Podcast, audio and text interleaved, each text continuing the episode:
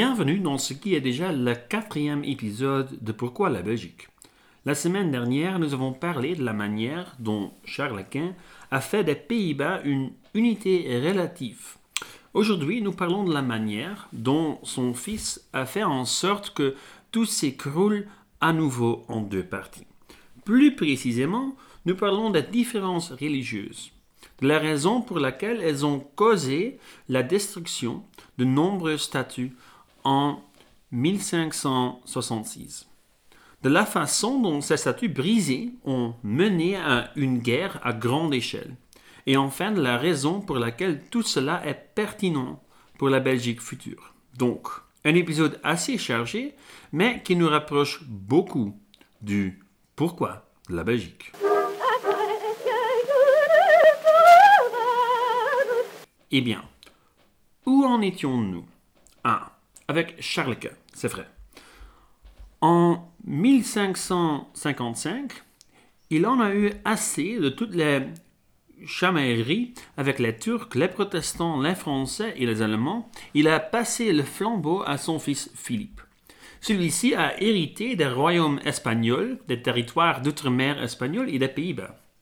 En ce qui concerne Philippe, les Pays-Bas arrivaient vraiment en dernier sur cette liste. Tout comme son père avant lui, Philippe a laissé la gestion de ce territoire à un gouverneur. Ce gouverneur était sa sœur Marguerite de Parme, qu'il ne faut pas confondre avec Marguerite d'Autriche, qui occupait la même poste quelques décennies plus tôt. Je sais, difficile de ne pas confondre tous ces Philippe et Marguerite, mais c'est ainsi le cours des choses dans la famille royale. La seule chose à laquelle Philippe participait activement était la persécution des protestants. Ce qu'il n'aurait pas dû faire, car cela, avec de nombreux autres facteurs, entraînerait une révolte et finalement une guerre qui durerait au total plus de 80 ans. Et parce qu'elle a duré plus de 80 ans, on l'appelle la guerre de 80 ans. Car on ne peut pas faire confiance aux historiens pour donner des noms. Pourquoi est-ce si important pour notre histoire? Bien, parce que c'est ici que les Pays-Bas seront à nouveau divisés pour la première fois depuis qu'ils ont été unis par les Bourguignons. Une scission que personne ne voulait au début, mais qui est devenue inévitable au cours de la guerre. Donc, un point de rupture. Avant de poursuivre la frasque de Philippe, nous devrions peut-être nous attarder un instant sur la question religieuse. Permettez-moi de commencer par une vérité simple. Dans le passé, la religion était beaucoup plus importante pour le Belge moyen qu'elle ne l'est aujourd'hui. Et cette différence entre hier et aujourd'hui est si grande que nous ne pouvons pas à peine l'imaginer, et encore moins la comprendre. L'un de mes dictons préférés sur l'histoire est celui de L.P. Hartley. The past is a foreign country. They do things differently there. Le passé est un pays différent, avec des coutumes différentes et une façon différente de faire les choses. Et étudier le passé signifie que vous subirez de temps en temps un choc culturel. Eh bien, la religion en est le parfait exemple. Au XVIe siècle, la religion était pour l'homme moyen la base de l'existence, le cadre dans lequel il vivait. Qui regarde maintenant avec étonnement les musulmans, les hindous ou les catholiques profondément religieux et trouve cela étrange, devrait savoir qu'il n'y a pas si longtemps, ces ancêtres étaient tout aussi radicaux dans leur enseignement. Aujourd'hui, les règles de notre existence sont déterminées par la société, par un amalgame de lois et de conventions auxquelles nous adhérons collectivement. Autrefois, c'était la foi.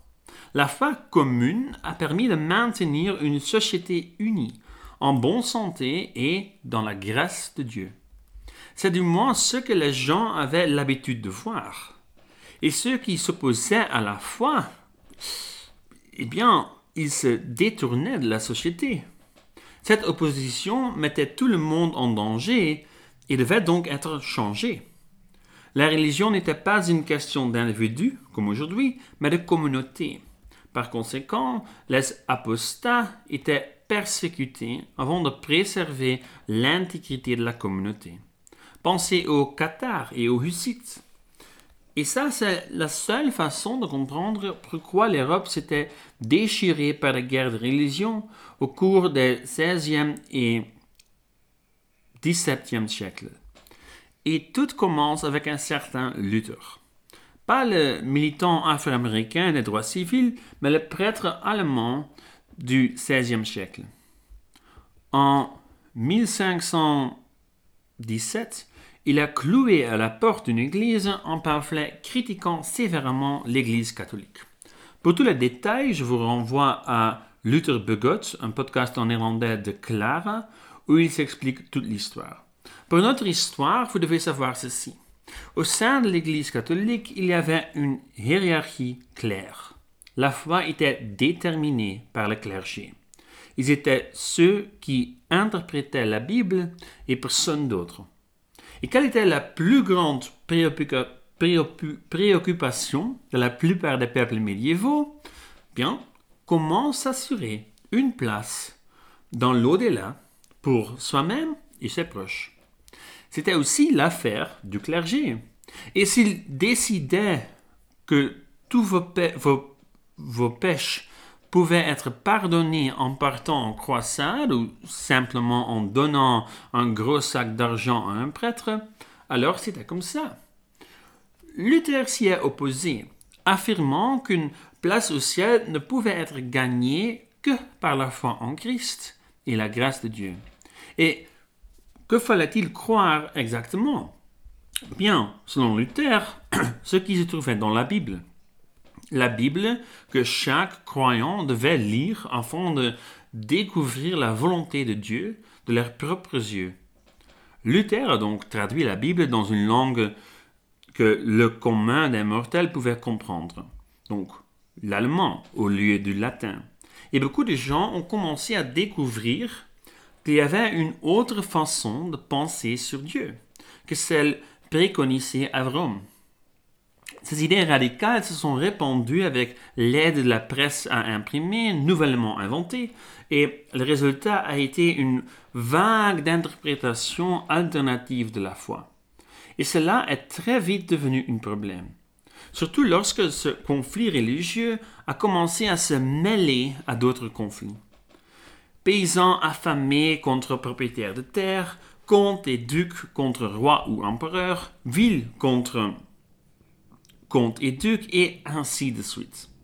Les guerres de religion qui vont suivre au cours de siècles, après que Luther ait cloué sa thèse sur la porte de l'église de Wittenberg, ne sont certainement, certainement pas purement une question de religion.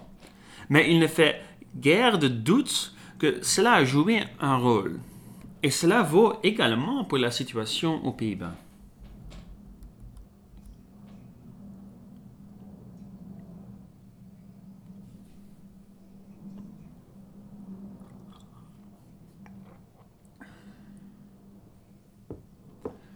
Donc, quelle était la situation avec les Pays-Bas après que Charles Quint ait laissé les choses à son fils?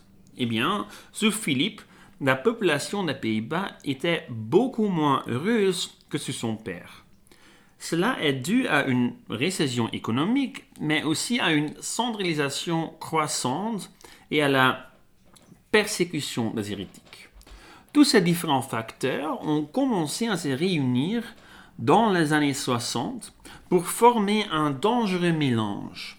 La population ordinaire a le plus souffert du déclin économique, la noblesse en a eu assez du centralisme du monarque et les protestants sont devenus de plus en plus agités.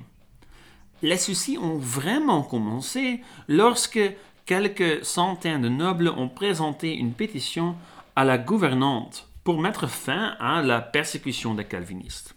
Marguerite elle-même n'en voyait pas l'utilité, mais son beau-frère, lui, en voyait l'utilité et il était à Madrid de sorte que cela pouvait prendre un certain temps avant qu'il puisse faire connaître son opinion. Et Marguerite a donc cédé pour l'instant et soudain, les calvinistes sont sortis du placard. cela conduirait à un incident historique appelé l'iconoclasme. Petite anecdote, le surnom des rebelles qui ne tarderont pas à chasser est Jusen, mendiant en français. Et ce nom trouve son origine dans la déclaration N'ayez pas peur, madame, ce ne sont que des gueux, selon les mots d'un conseillère de Marguerite. Bref, l'iconoclasme. Vous êtes-vous déjà demandé pourquoi s'il y a si peu de statues médiévales dans nos nombreuses églises et cathédrales médiévales? Non, personne. Juste moi? D'accord. Si vous avez déjà visité une de ces églises médiévales, vous avez peut-être remarqué qu'une grande partie de l'intérieur n'a pas du tout l'air médiéval. C'est parce que ce n'est généralement pas le cas. Le plus souvent, il a été ajouté dans les décennies qui ont suivi 1566. Pourquoi 1566 Bien, car c'est l'année où de nombreuses statues et peintures médiévales ont été détruites lorsque des hordes de calvinistes et leurs partisans ont afflué dans les églises pour en détruire l'intérieur.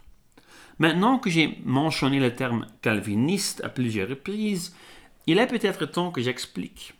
Je n'entrerai pas dans les détails, mais cela revient à dire qu'outre Luther, il y, en a, il y en a eu deux autres figures au berceau de leur propre mouvement protestant au XVIe siècle. Calvin et Zwingli. Je ne mentionne ce dernier que parce que j'ai j'ai toujours trouvé ce nom amusant, mais il n'a pas vraiment d'importance pour notre histoire. Contrairement à Calvin, Luther était peut-être radical aux yeux de ses contemporains, mais comparé à Calvin, il était un tendre. Par conséquent, les calvinistes s'offusquaient du spectacle extérieur de l'Église catholique. Les robes des prêtres, toutes cette et hors les statues, bien sûr, et ils sont allés beaucoup plus loin que Luther. Lorsque les prédicateurs calvinistes ont recommencé à prêcher la parole, toute cette splendeur extérieure était une cible facile. On peut se demander si l'intention était vraiment d'organiser un pillage général des églises, qui conduirait finalement à une révolte. La réalité, cependant, est que le 10e août 1566, un prédicateur de Flandre française a tellement incité son auditoire qui se sont spontanément rendus à l'église la plus proche pour briser toute la statue. En fait, cela aurait pu s'arrêter là, mais ce n'est pas le cas. Ce n'est pas le cas parce que de nombreux facteurs sont conjugués. La crise a frappé cette région très durement et il y avait donc beaucoup de travailleurs qui n'avaient rien à faire. Ajoutez à cela le fait que le calvinisme était très attrayant pour ce genre de personnes, parce qu'il donnait à tout le monde une chance de vivre dans l'au-delà, et pas seulement à ceux qui pouvaient payer une, indulgence. De plus, la noblesse locale et les conseils municipaux n'avaient guère envie de se mettre entre la foule et les églises, peut-être un peu trop riches. Le résultat de, cette mélange était extrêmement explosif. En quelques mois, le phénomène s'est étendu du sud-ouest de la Flandre à l'extrême nord des Pays-Bas. À Bruges, Gand, Bruxelles, Anvers, Utrecht et tant d'autres villes, le même phénomène est produit, l'iconoclasme. Bon, une foule armée vient de détruire un tas d'arts religieux, ignorant toute la loi religieuse et terrestre. Et maintenant, bien, la noblesse a commandé la violence mais a, également souhaité qu'il n'y ait, pas trop de violence dans l'espoir que, tôt ou tard, tout le monde puisse vivre en paix, les uns à côté des autres. Marguerite, qui n'était pas une si mauvaise personne, s'intéressait à cette question, mais elle, elle n'était pas le grand patron. Son frère l'était, Philippe. Philippe qui voyait cette révolte comme une attaque contre son autorité ce qui était en quelque sorte le cas. Et il envoya, le duc d'Alva avec une armée dans ces régions troublées. Au départ, l'intention n'était pas claire, car il n'était plus question de rébellion armée. En pratique, Alva a repris le pouvoir de Marguerite et a commencé au nettoyage de la zone. Les participants à l'iconoclasme ont été traqués et poursuivis. Tous ceux qui n'étaient pas catholiques ont été persécutés et les nobles qui défendaient les protestants pouvaient se retrouver sur l'échafaud, comme Egmont et Horn. Un noble important qui ne s'est pas retrouvé sur l'échafaud fut Guillaume d'Orange. Il deviendra le centre de la résistance contre Alva. Et Alva a imposé beaucoup d'impôts, persécuté beaucoup de gens et a tout simplement mis tout le monde sur les nerfs. D'Orange et ses gueux se sont rebellés et ce fut le début de la guerre de 81 en 1568. Les batailles se succèdent et de nombreuses villes changent régulièrement de camp avec la terreur des deux côtés. Après six ans, Alva a finalement été rappelée dans l'espoir de calmer les choses un peu. Mais c'était déjà trop tard. En 1575, le nouveau gouverneur a tenté de négocier une paix. Mais l'eau s'est avérée trop profonde. Et puis la révolte a réellement commencé. Oui, il y a eu des combats pendant huit ans, mais en réalité, une grande partie de la ville est restée à l'écart de tout cela. Et cela a changé par, eh bien, un peu de coïncidence.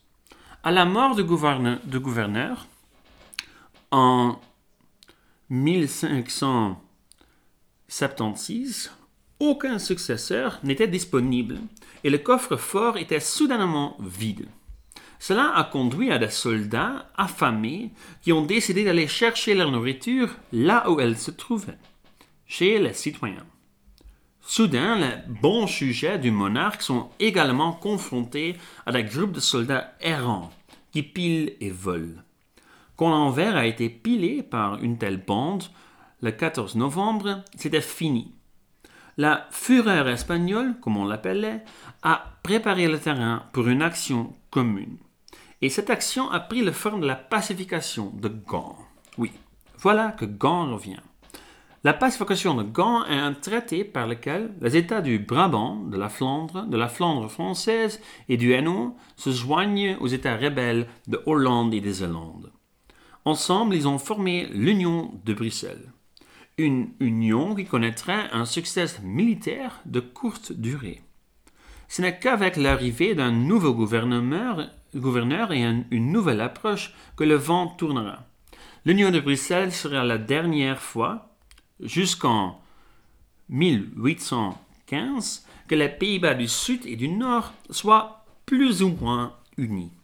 Le problème n'était pas seulement la division religieuse, mais aussi une mentalité plus générale de moi, moi et je m'en fous des autres. Ce qui, bien sûr, n'aide pas quand on, essaie d'organiser une résistance militaire commune.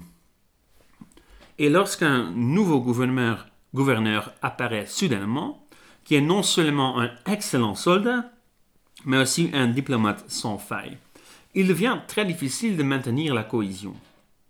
Le résultat a été la scission de l'Union de Bruxelles en deux unions, celle de Utrecht et celle de Utrecht.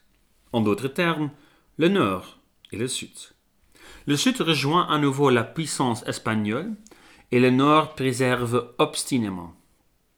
À l'époque, Gand, Anvers et Bruxelles appartenaient également au nord et s'étaient déclarés comme des républiques calvinistes indépendantes.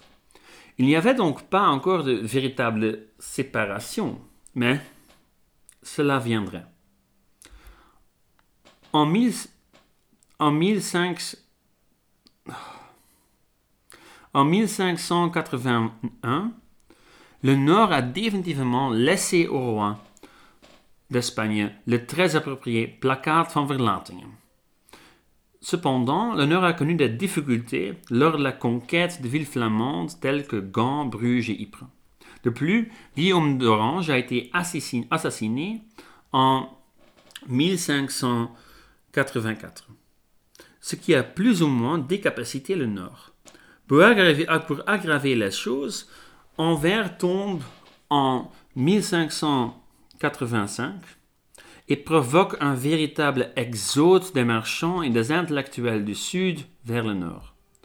Et avec la chute d'Anvers, l'unité entre le nord et le sud a pris fin définitivement, ou du moins jusqu'en 1815.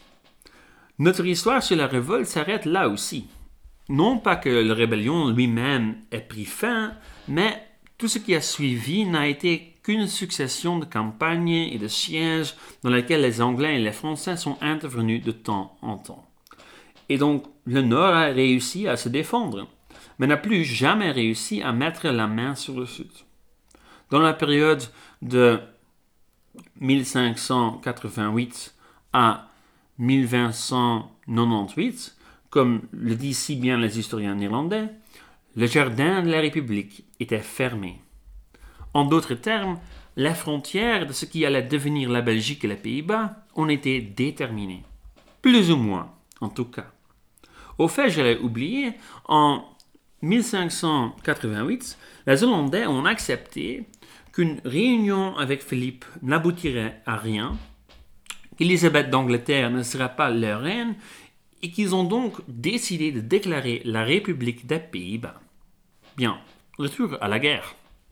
Les combats se poursuivront jusqu'en 1609 avec des événements fascinants auxquels nous n'avons pas du tout le temps de nous attarder, tels que la bataille de Nieuport, le siège d'Ostende et le siège de Zaltbommel. Un nom fantastique, Zaltbommel. De toute façon, en 1609, tout le monde avait assez de se battre pour l'instant, provisoirement en tout cas. Ils ont réussi à négocier une trêve qui a finalement duré 12 ans et qui a donc été appelée la trêve de 12 ans par les historiens, car les historiens sont toujours très originaux. Contemplez, chers amis, l'histoire relativement compliquée de la séparation des Pays-Bas. La première séparation, en tout cas, bien que la seconde puisse être comprise sans connaître les conséquences de la première. Pour résumer, c'est une longue histoire. Lorsqu'en 1815, on décide de réunir à nouveau le Sud et le Nord, après plus de 200 ans de séparation, il apparaîtra bientôt que les deux parties du pays se sont séparées et que le fossé sera profond, non seulement sur le plan religieux, mais aussi sur le plan économique, culturel et politique. Trop profond. Et pour beaucoup, et peut-être même un peu pour moi, c'est là que réside la véritable raison de la Belgique. Dans une protestation contre une persécution religieuse qui a échappé à tout contrôle, et ici d'une guerre qui a abouti à une séparation qui s'avéra permanente à long terme. Mais ce n'est pas le cas. Dans la montagne russe de l'histoire, les choses auraient pu se passer différemment, même après 1581. À l'époque, rien n'indiquait que cette partie méridionale des Pays-Bas deviendrait un jour indépendante. La raison pour laquelle c'est finalement produit est une longue histoire que nous commencerons à raconter la semaine prochaine. En commençant par le désastreux XVIIe siècle et en expliquant pourquoi les Pays-Bas méridionaux ont fini entre les mains des Autrichiens et ce que ces derniers en ont fait. Bien, ça c'était moi pour cette semaine. À bientôt. Ciao